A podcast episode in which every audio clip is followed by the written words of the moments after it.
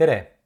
sa kuulad viieteistkümnendat episoodi podcastist coach Raimo Ülavere jutud ja täna räägin pausist. miks ma räägin pausist, sest see võib olla äh, tõhusaim ja samas ehk tegevusena lihtsaim viis meie psühholoogilise tugevuse kasvatamiseks. kohe kuuled no me oleme ju äh, kuulnud ja lugenud ja paljud äh, neist väljenditest on ka minugi suust kõlanud nõuandeid, mida ja kuidas teha, et kasvatada oma meelekindlust, psühholoogilist tugevust, vaimujõudu ja neid muid toredaid asju. ning oleme ehk liiga kaua eiranud seda ühte põhimõtet. millegi uue tegema hakkamine on reeglina raskem kui mingi tegevuse lõpetamine. ja paus, pausi tegemine on just mingi tegevuse lõpetamine, pausile panemine. psühholoogilise tugevuse kontekstis räägin äh, täna kolmest eri tüüpi pausist.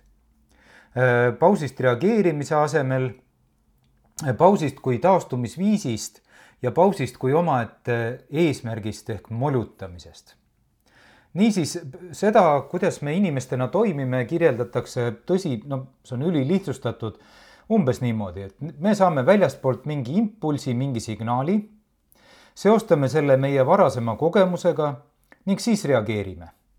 Ja enamasti on see reageering äh, ülikiire ja pigem automaatne. suur osa meie käitumistest on justkui ette määratud, no näiteks foori punane tuli, jään seisma, vaatan, sõber tuleb, naeratan.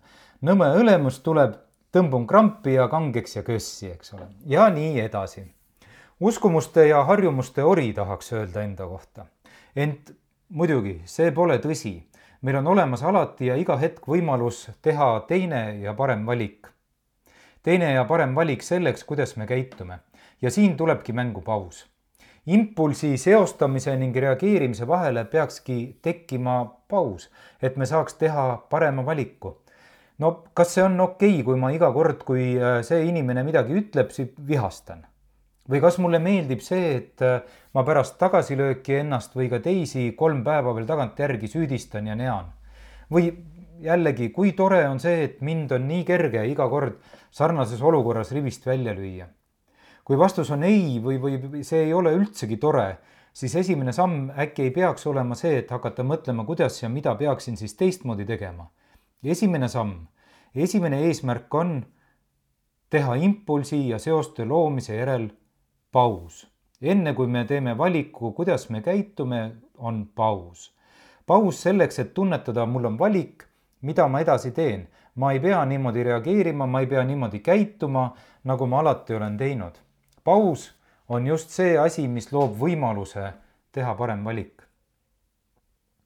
teine pausi tüüp on sootuks teiselaadne ja selle mõju on ehk kõige lihtsamini ära seletatav spordi analoogiaga tippsportlased ja treenerid teavad, no mis tõsi ei tähenda, et seda kõikjal ja alati ka järgivad, et muskel kasvab magades. Selle süsteemi peenem nimi on superkompensatsioon ehk äh, musklit koormatakse, treenitakse, tekitatakse talle stressi ja muskli töövõime langeb. muuseas, ka aju on üks muskel, eks ole. ning kui trenn lõpeb, siis algab taastumine, algab paus, mille jooksul muskel siis taastub ning kui on treenitud mõistlikult ja optimaalselt, siis äh, mitte lihtsalt taastub, vaid ka tema nii-öelda võimekus kasvab kõrgemale tasemele, kui ta oli enne trenni. Ja see ongi siis eespool nimetatud äh, superkompensatsioon hästi lihtsustatult seletatuna. teisiti öeldes, kasv on võrdne stress pluss puhkus või teisiti öeldes, kasv on võrdne stress pluss paus ja kasvuks on eh, need kõik osad kriitilise tähtsusega, sealhulgas, sealhulgas veel kord äh, puhkus ehk paus.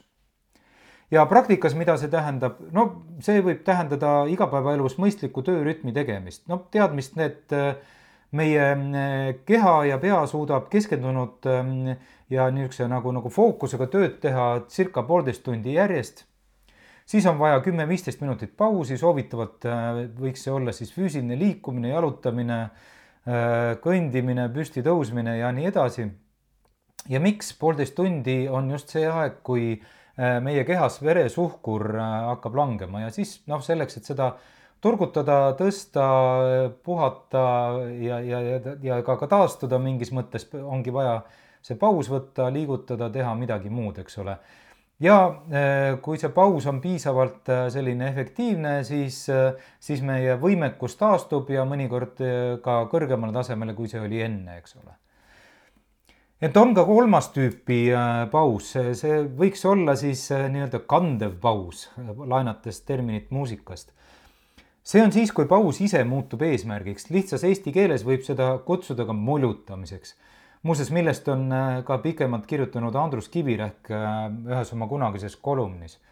ehk paus, molutamine, mitte midagi tegemine on midagi, mida peaksime aeg-ajalt nautima. Mitte ka otseselt eesmärgiga puhata, vaid just eesmärgiga nautida. nautida mitte midagi tegemist. muuseas sellega tuleb olla ka ettevaatlik, sest just molutamisel võivad olla kaunis pikaaegsed tagajärjed. sest molutamine on ka meie ringi uitleva aju jaoks äh, hirmus hea aeg.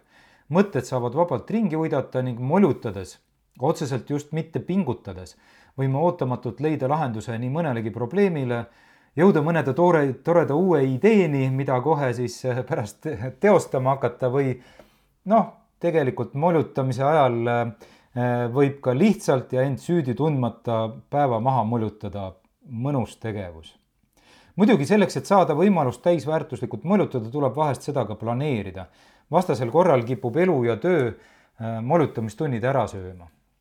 niisiis, kui tundub, et elu kisub kiiva või asjad ei kipu minema nii, nagu tahaks, võib-olla oleks mõistlik ja äh, samas paradoksaalne teha kiiresti tormamise asemel üks paus natukene molutada. aitäh, et kuulasid, järgmine kord juba järgmised jutud äh, järgmistel teemadel. seda ja eelmisi äh, podcasti osasid äh, saad kuulata Spotify'st ja iTunes'ist. kuuleme jälle